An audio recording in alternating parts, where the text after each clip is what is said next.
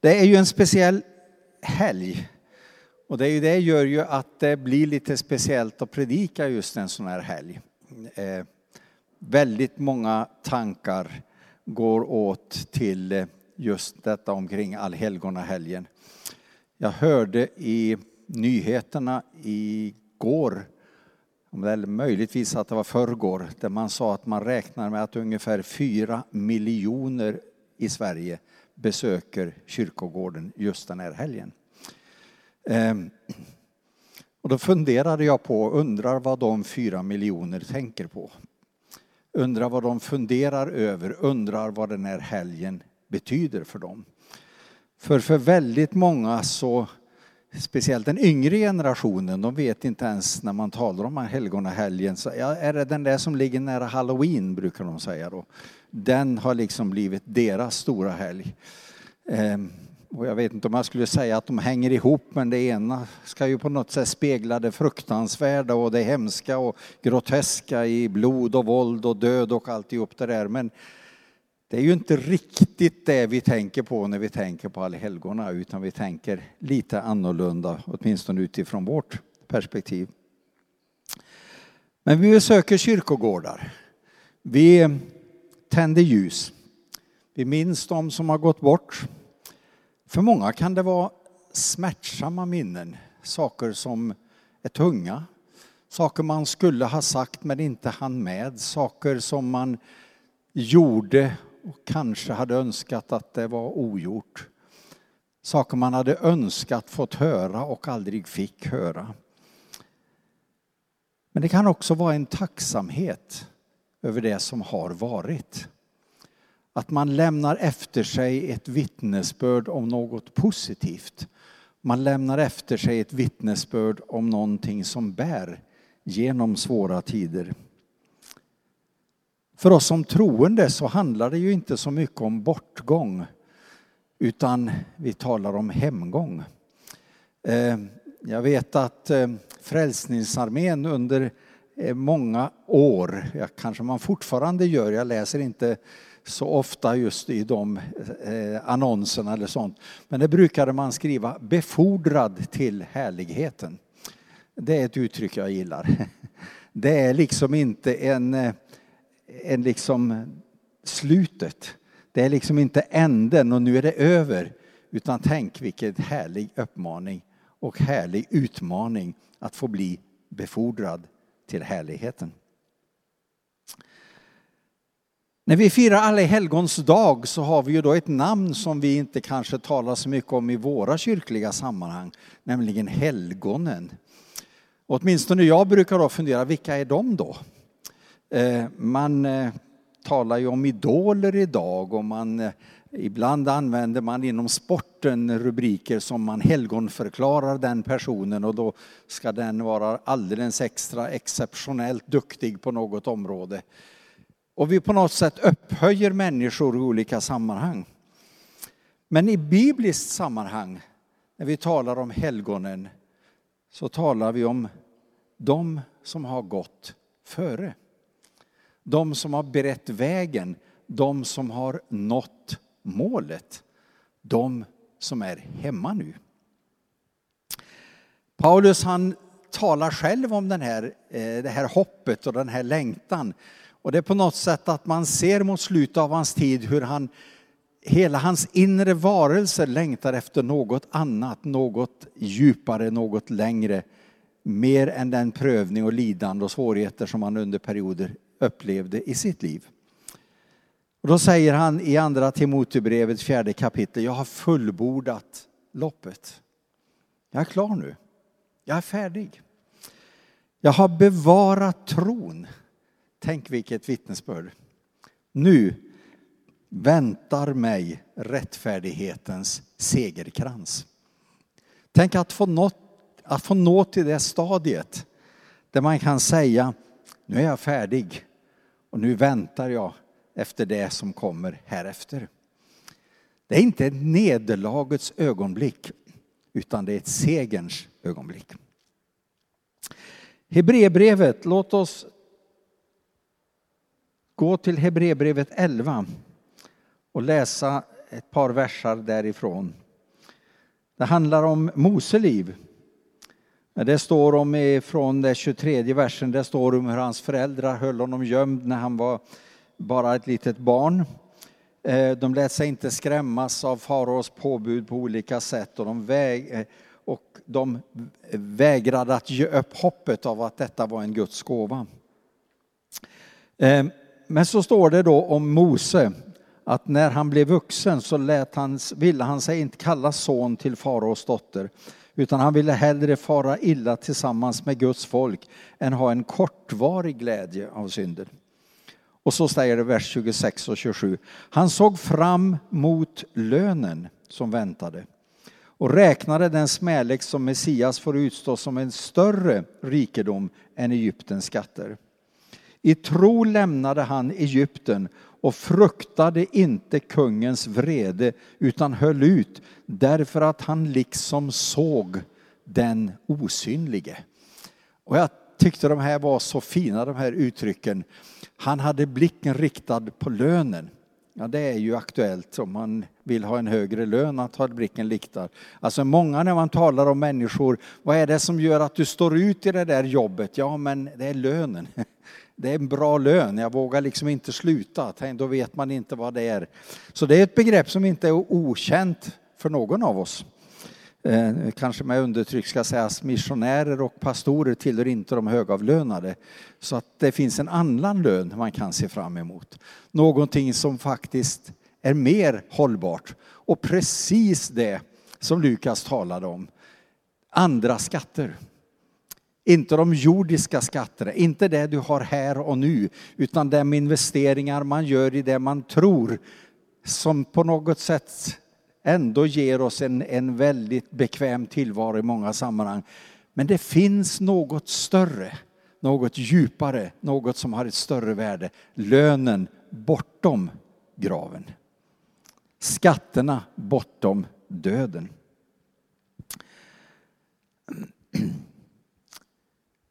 Vad kan vi lära oss av helgonen? Ja, vi kan ju i varje fall lära oss att ingen av oss kanske är ett helgon. Bibeln säger att vi är alla syndare. Och vi är alla beroende av Guds nåd, vi är alla beroende av Guds förlåtelse. Och det här med begreppet helgon kan ju bli missledande just därför att man tror att det är människor som inte hade några fel och brister. Aldrig gjorde någonting som på något sätt var fel var syndigt, var orent. Och i den betydelsen finns det bara en enda och det är Jesus Kristus. Han är det enda helgonet i den värderingen och i det synsättet. Men när, när, när Bibeln talar om helgonen så talar den om de som har gått före, de som är framme. Och när man tittar på dem och så kan man ju fundera på vad, vad kan vi lära oss genom dem? Och jag tänker att vad vi kan lära oss är det vittnesbörd som deras liv lämnar efter sig. Det de gjorde, det sättet de agerade, det som ger oss föredömen. Och hela Hebreerbrevet 11 är ju ett enda stort vittnesbörd. Vittnesbörd om de som har lidit, de som har dött, de som har segrat, de som har på olika sätt övervunnit, de som har bekämpat, det ena efter det andra räknas upp av historien i detta fantastiska kapitel som man kallar för trons kapitel i Bibeln. Som man också skulle kunna kalla för helgonens kapitel. Vittnesbördet om dem som har gått före. Men det står också om dem som inte var övervinnare. Det står också om dem som inte alltid lyckades segra men dog, står det, utan att de hade sett här och det är nyckelordet, utan att ha sett här det de hoppades på. För det fanns ett annat, ett där, som var viktigare än här. Målet var det primära för Mose. När han hade blicken riktad på lönen så talade han inte om jordiska rikedomar och ägodelar. Han hade riktad, blicken riktad på det som låg bortanför målet för hans vandring, det han ville göra. Trons kapitel. Och uppräkningen av helgonen får ju inte leda till att det är människorna som vi upphöjer. Det kan väldigt lätt bli så och är väldigt lätt så i en otroligt individualistisk tid och sammanhang som vi lever i, där på något sätt människan blir det stora fokuset.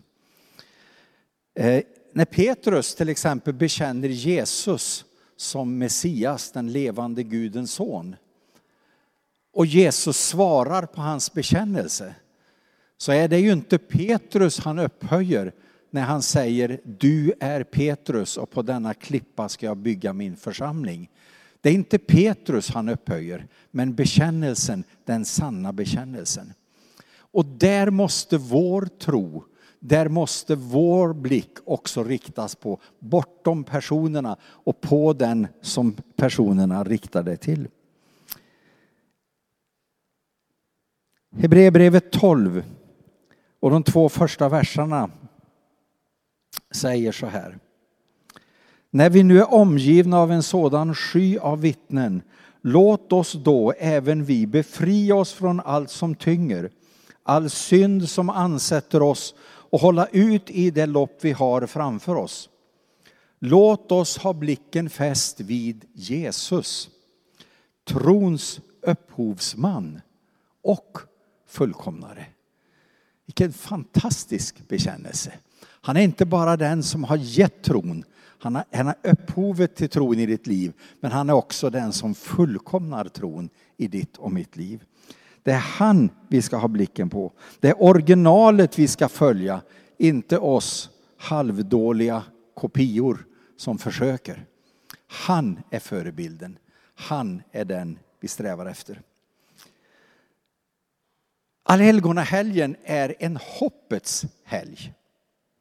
Även om det är en minnenas helg så är det i väldigt stor utsträckning också en hoppets helg. En helg som talar om någonting mer, någonting bortanför. Och när jag funderade över texten för idag så kom det till mig när, vi, när jag just började fundera över det här med hoppet. Det är hoppet som bär, det är hoppet som leder, det är hoppet. Så insåg jag att allting av det här som vi firar denna helg, det grundar sig i korset. Det är i korset som vi har hoppet. Det är genom vad som händer där som vårt liv förändras och vårt liv förvandlas. Paulus säger i första Korinthierbrevet att talet om korset det är en dårskap för dem som går förlorade. Men, säger han, för oss som räddas är det en Guds kraft. Tänk att korset som symbol kan betyda både det ena och det andra. Och här är ju Bibeln fylld utav paradoxer. Motsägelserna, det som man tycker står för det ena eller står för det andra.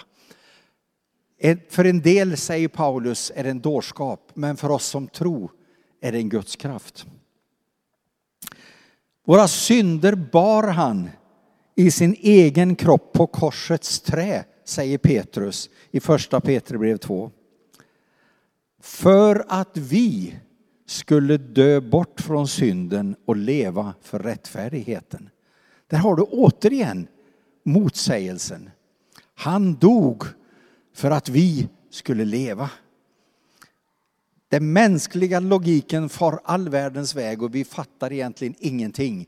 Men det finns en andlig dimension, det finns ett andligt djup som går bortom för vårt lilla, lilla förstånd. I varje fall i mitt lilla förstånd, kanske du har mer. Men jag begriper det inte, men jag tror det. Jag kan inte säga att jag förstår det, men jag kan ändå ta det till mig. Det är så stort, det är så svårt och det är så motsägelsefullt. Hela Bibeln är ju egentligen fylld av de här eh, mot, till synes väldigt motsägelsefulla påståenden. Jesus säger ge så ska ni få. Nej men det stämmer ju inte. Om jag ger så försvinner det ju. Men Bibeln säger nej om du ger så får du. Det är någonting som kommer tillbaka. Och gång på gång så möter vi detta och korset blir också något av en sån här skiljelinje som står för både motsägelserna, både det negativa i en del människors ögon och i andras ögon någonting väldigt kraftfullt, någonting väldigt positivt, någonting som jag strävar mot och strävar framåt. Paulus säger, jag ville aldrig berömma mig av någonting annat än Kristi kors. Berömmelse av korset. Och i Kolosserbrevet så säger han, Gud beslöt all fullhet bo i honom och att genom hans blod på korset stifta fred och försona allt med sig genom honom och till honom. Allt på jorden och allt i himlen. För det slutgiltiga är just detta som Bibeln talar om, det vi kallar för försoning. Saken blir uppklarad mellan vår bristfällighet och Guds fullkomlighet. Han raderar ut det som du upplever som ett misslyckande, som synd, det som har gått sönder. Och istället ger han försoning. Han ger frid. Han ger glädje. Han ger hopp. Hoppet är ju på något sätt ett av det starkaste för mig innebörden innan jag ser korset. Och jag tänkte, och jag ska sluta här, jag tänkte just på det här synen på korset är ju så märklig beroende på vilka relationer man har till det. För de allra flesta, vi måste nog erkänna det, för de allra flesta så står korset för döden. Det är liksom, det är slut. Vi sätter upp den som symbol i våra dödsannonser. Jaha, den var död. Vi använder det före när vi skriver i text om någon har avlidit. Om man bara ska använda symbol så sätter man en symbol för födelse och så sätter man ett kors framför oss ett datum. Återigen, korset står för döden. Och det är det som är så tragiskt, att folk tror att det är det det handlar om. Men korset för den troende står för livet, står för förvandling, står för ett hopp, står för glädje, står för kärlek, står för innerlighet. Allting det som många människor inte ser för man ser en symbol som för dem inte betyder något mer. Jag hörde ett vittnesbörd för några år sedan av en person som kom från en muslimsk bakgrund och hade tagit emot Jesus som sin frälsare. Och han säger så här. Nu förstår jag att korset är inte en symbol för död över oss muslimer. Utan det är istället symbolen för Guds kärlek till alla. Vilket vittnesbörd. Och när jag tänker på hans bild, hans bakgrund, hans historia, den undervisning han har mött under sin uppväxttid, det var det att de kristna vill förgöra dig. Och symbolen var korset. För det var ju vad korsriddarna hade när de drog ut för att bekämpa islam under tusentalet och skulle förgöra islam. Och sedan detta har det levt kvar i en bild i den muslimska världen och lever fortfarande i en stor del hos väldigt många människor. Korset står för de kristnas hat mot muslimer. De vill förgöra, de vill döda. Och så finner man han som dog på korset. Och så helt plötsligt så får symbolen en helt annan innebörd, ett helt annat värde. Nu förstår jag att det handlar inte om död över oss muslimer. Det handlar om Guds kärlek till alla människor. Det är egentligen det budskap som bör låtas i människors liv när man tänker på allhelgonahelgen. Det finns ett hopp om kärlek till alla människor. Och det finns ett hopp om ett liv efter det som vi säger är slutet. Det hoppet heter Jesus. Ska vi be. Herre, jag tackar dig för din närhet och ditt tilltal. Tack att du finns här med oss just nu. Tack att du genom ditt eget ord du talar till oss. Du lyfter våra hjärtan, du lyfter våra ögon till att se bortom det som många ser som avslutet och bortom ingenting så vill du istället peka på det finns något annat, det finns något djupare, det finns något större. Tack att vi får vara delaktiga i en gemenskap som hyllar dig som har betalat det största priset för att ge oss frid, för att försona oss med dig själv och leda oss in i glädjen och hoppet över framtiden.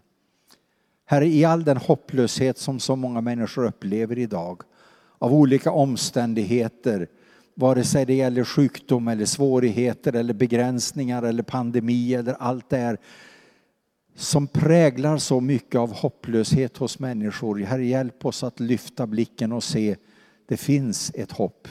Det finns en framtid. Tack att du finns i den. Amen.